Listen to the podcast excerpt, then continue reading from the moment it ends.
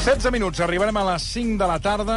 Um, saludem a aquesta hora el periodista de La Vanguardia especialitzat en ciència i salut, Josep eh, Corbella. Bona tarda. Molt bona tarda. Avui, per començar, parlarem parlant, començarem parlant d'un adulcorant, del que anem, eh, darrerament hem sentit a parlar, que es diu e, uh, l'eritritol, que uh, es va posar molt de moda i que ara un estudi pu publicat uh, per la revista Nature Medicine doncs el relaciona uh, amb l'augment del risc d'ictus i infarts.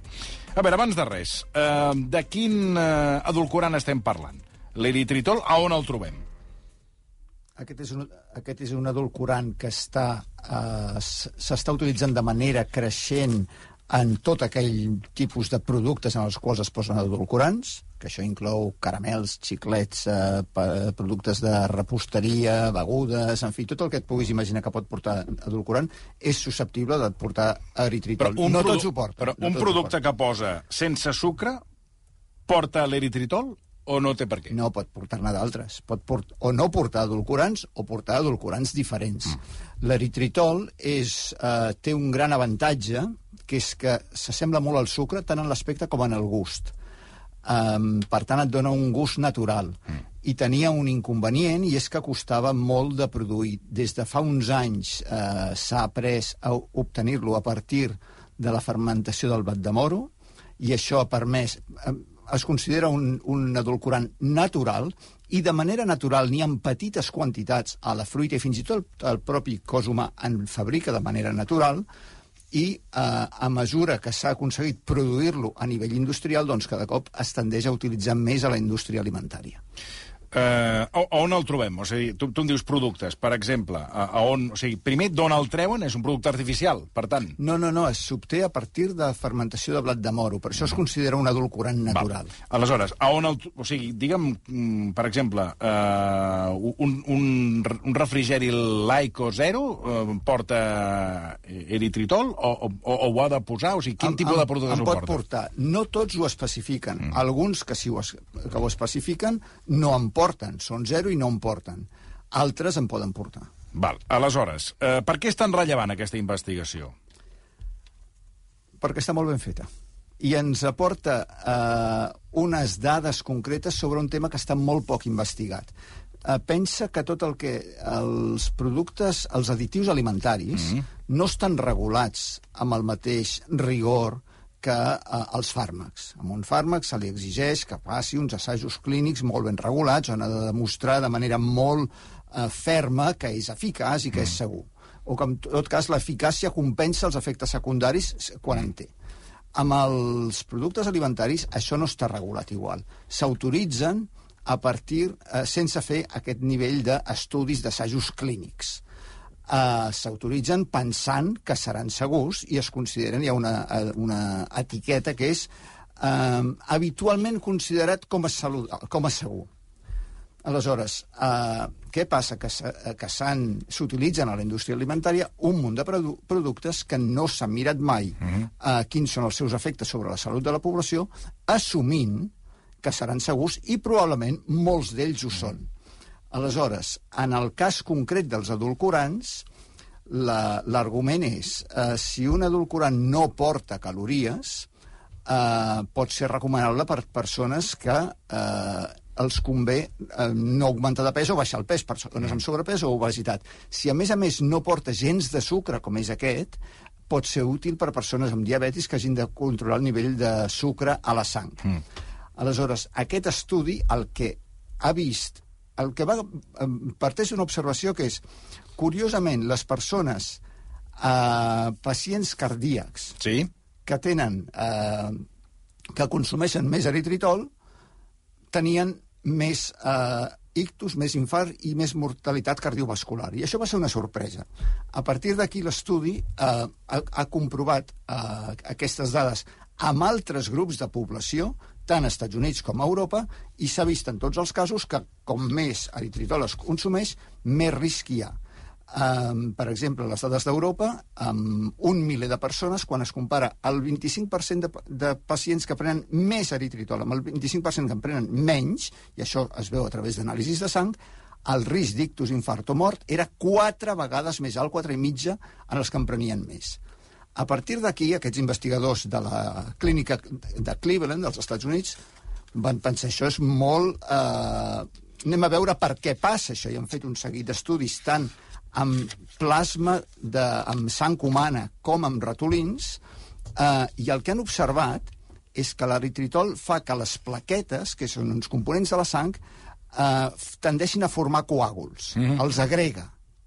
I aleshores també han comprovat en persones sanes, en voluntaris sants, als quals han donat una dosi de 30 grams d'eritritol, que seria l'equivalent al que hi ha, el que hi hauria amb una llauna, eh, de beguda zero, um, i el que han vist és que el seu nivell d'eritritol a la sang es dispara al cap de 30 minuts sí. i es manté durant dos dies a nivells superiors als que s'ha vist que causen eh, formes trombosi en, el, en els estudis amb, amb la sang, eh, amb les, les cèl·lules de la sang i amb els ratolins.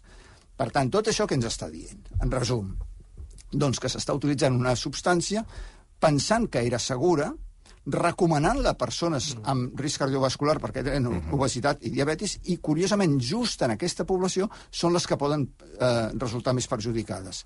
Conclusió dels investigadors. Eh, S'ha d'investigar més a fons. Això no vol dir que una persona perfectament sana que prengui un producte amb un edulcorant li hagi de passar res.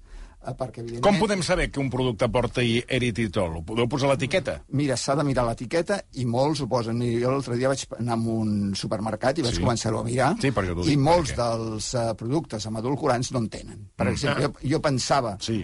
potser la Coca-Cola zero, com que es diu zero, en té. Mira. Doncs la vaig mirar, doncs no en té. En té altres edulcorants. Uh, N'hi ha d'altres productes que no diu quins edulcorants porten. Mm.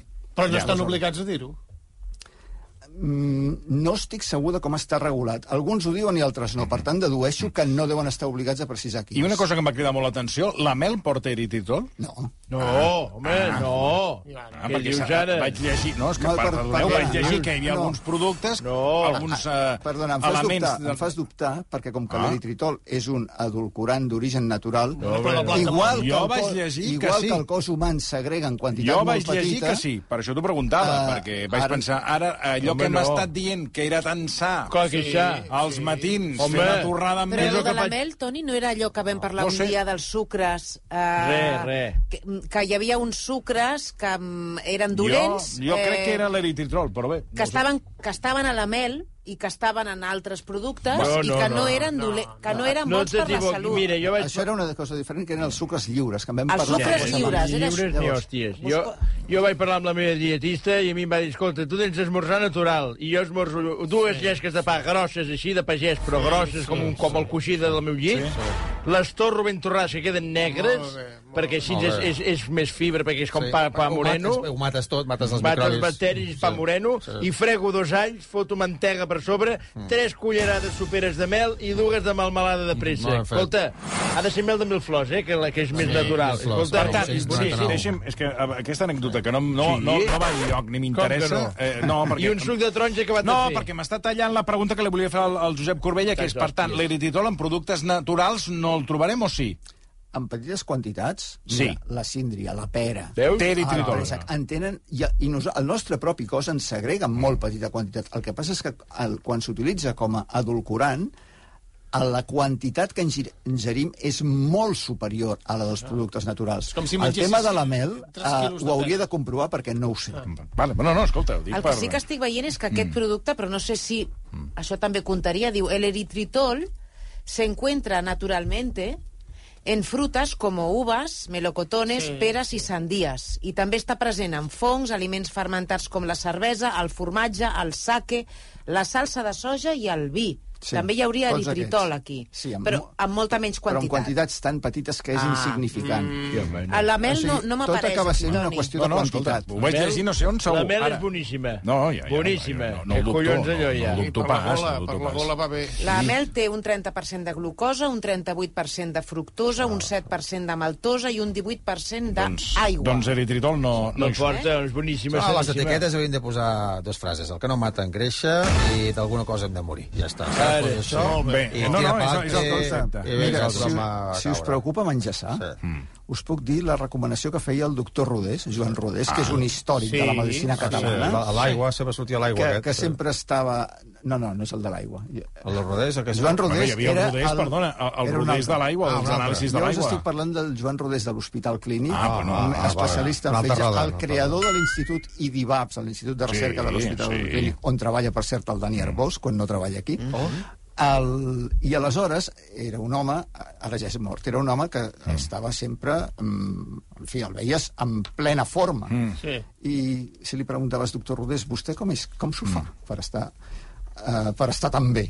Uh, i, I deia, miri, jove, jo menjo de tot i poc. I aquest consell de uh, varietat i moderació no falla. Veus? És útil per tothom. Mira, m'ho apuntaré. De tot I poc. i poc, de tot i poc. Bé, anem amb una altra qüestió mm, que és important per tots aquells que mm, tenim relació amb l'oncologia, d'una manera directa o indirecta, crec que la gran majoria dels que ens escolta, i és que un oncòleg català ha descobert com fer més eficaços els tractaments d'immunoteràpia. Um, qui és aquest metge i de què es tracta? És Antoni Ribas, Sí? és un dels grans, eh, mira, dels metges catalans que tenim, dels cervells que tenim pel món, és de realment una referència mundial en la seva àrea, que és la immunoteràpia del càncer, està... O sigui, no, no hi ha figura més respectada que ell. Tant com ell sí que n'hi ha d'altres, però està dalt de tot. No? I català. Està a la Universitat de Califòrnia de Los Angeles, des de fa... On va arribar... El 1996 es va formar aquí a l'Hospital Vall d'Hebron com a oncòleg. Ell volia eh, aprendre més. Sí. Se'n va anar sense res a Los Angeles, que per cert va tenir quatre ofertes i la seva dona li va dir, mira, no anirem a Chicago que fa molt fred, anem a Califòrnia ja, ja que podem, Que que millor. fa més bo. Van arribar sense res, eh, sense res, ell amb un contracte d'investigador postdoctoral que no Mm. donava per grans... Eh, per, per, fer, per grans luxes i ella en aquell moment no tenia permís de treball. I eh, la idea era estem dos anys, aprenem i tornem. Però ho va fer mm, es van guanyar tant el respecte de, de la gent de la Universitat de Califòrnia a Los Angeles que li van oferir quedar-se. I aleshores es va especialitzar en un, en un tipus de càncer Sí. en el qual ningú s'especialitzava perquè li van, un company seu, un mestre seu, li va donar un consell, li, li va dir, mira, Toni, tu pots o especialitzar-te en una tècnica mm. o especialitzar-te en una malaltia. Els que s'especialitzen en les tècniques, amb el temps, eh, queden superats perquè les tècniques evolucionen. Els que s'especialitzen en malalties i van aplicant les tècniques disponibles a, a cada moment són els que realment deixen una empremta i tenen un impacte. I ell es va especialitzar en melanoma, que ningú s'hi dedicava, perquè en aquella època no hi havia res a fer amb els melanomes, no hi havia cap eh, tractament específic. I va estar picant pedra durant eh, molts anys intentant aplicar tècniques eh, per millorar el tractament del melanoma. I això el va portar que quan van haver, va haver-hi l'eclusió de les immunoteràpies, del, dels tractaments d'immunoteràpia, ell va, estar, va ser dels primers en realitat va ser el primer que ho va portar a la pràctica en un assaig clínic i va ser el primer que va demostrar que la immunoteràpia del càncer obria una nova via, els fàrmacs d'immunoteràpia. Això va ser el 2013. I, eh, bé, eh, ha continuat tota la seva línia de recerca, és una figura consagradíssima a nivell mundial en aquest moment, i aleshores amb la immunoteràpia del càncer amb els fàrmacs el que passa és que amb alguns pacients funcionen molt bé, però no en tots els pacients funcionen ni en, no, no en tots funcionen de manera excel·lent i aleshores hi havia un marge per millorar. I pensant eh, com podia millorar, raonant eh, com funcionen aquests fàrmacs i com funciona el sistema immunitari humà, el Toni Ribas va arribar a la conclusió que si es donava el tractament abans de la cirurgia i no després de la cirurgia, com es solia fer, aniria millor. I el motiu... Per què es donava després? Perquè el tractament estàndard és, si una persona t'arriba amb un tumor, primer s'extirpa, t'arriba, vull dir, la segona persona, no és que m'arribi a mi, eh? Als oncòlegs els arriba, Sí. eh, s'extirpa primer i després es fa el tractament. Això, és, això era l'estàndard. Um, I aleshores, pensant en, en com funciona la biologia dels tumors, ell va pensar amb els fàrmacs el que estem intentant és estimular les cèl·lules immunitàries que són capaces de reconèixer el tumor i atacar-lo. I on es troben aquestes cèl·lules? Doncs es concentren precisament allà on hi ha les cèl·lules tumorals. Per tant, si extraiem el tumor, estem extraient les mateixes cèl·lules que volem activar, amb la qual cosa, quan donem el tractament, doncs no té gran, gaires cèl·lules que activant, té unes poquetes. Però, va pensar el Toni Ribas, si donem el tractament, el comencem abans de la cirurgia, començarem a activar aquestes cèl·lules, es multiplicaran, n'hi haurà moltes més, i encara que després fem la cirurgia en quedaran suficients per, ser, eh, per funcionar. Quan va plantejar aquesta idea, mm -hmm. que hi va haver altres persones que van pensar que tenia sentit, però es va trobar moltes reticències. Per què? Perquè hi va haver qui va pensar um, si operem més tard, si fem la cirurgia més tard, el, eh, serà pitjor pels pacients i no serà millor. I va haver qui va pensar, total, si el teu estudi el que vols fer és comparar el mateix tractament, que és cirurgia i 18 dosis d'immunoteràpia, l'únic que et canvia és el moment en què dones la immunoteràpia, no trobaràs diferències. I va haver gent que li va dir, això no té cap sentit.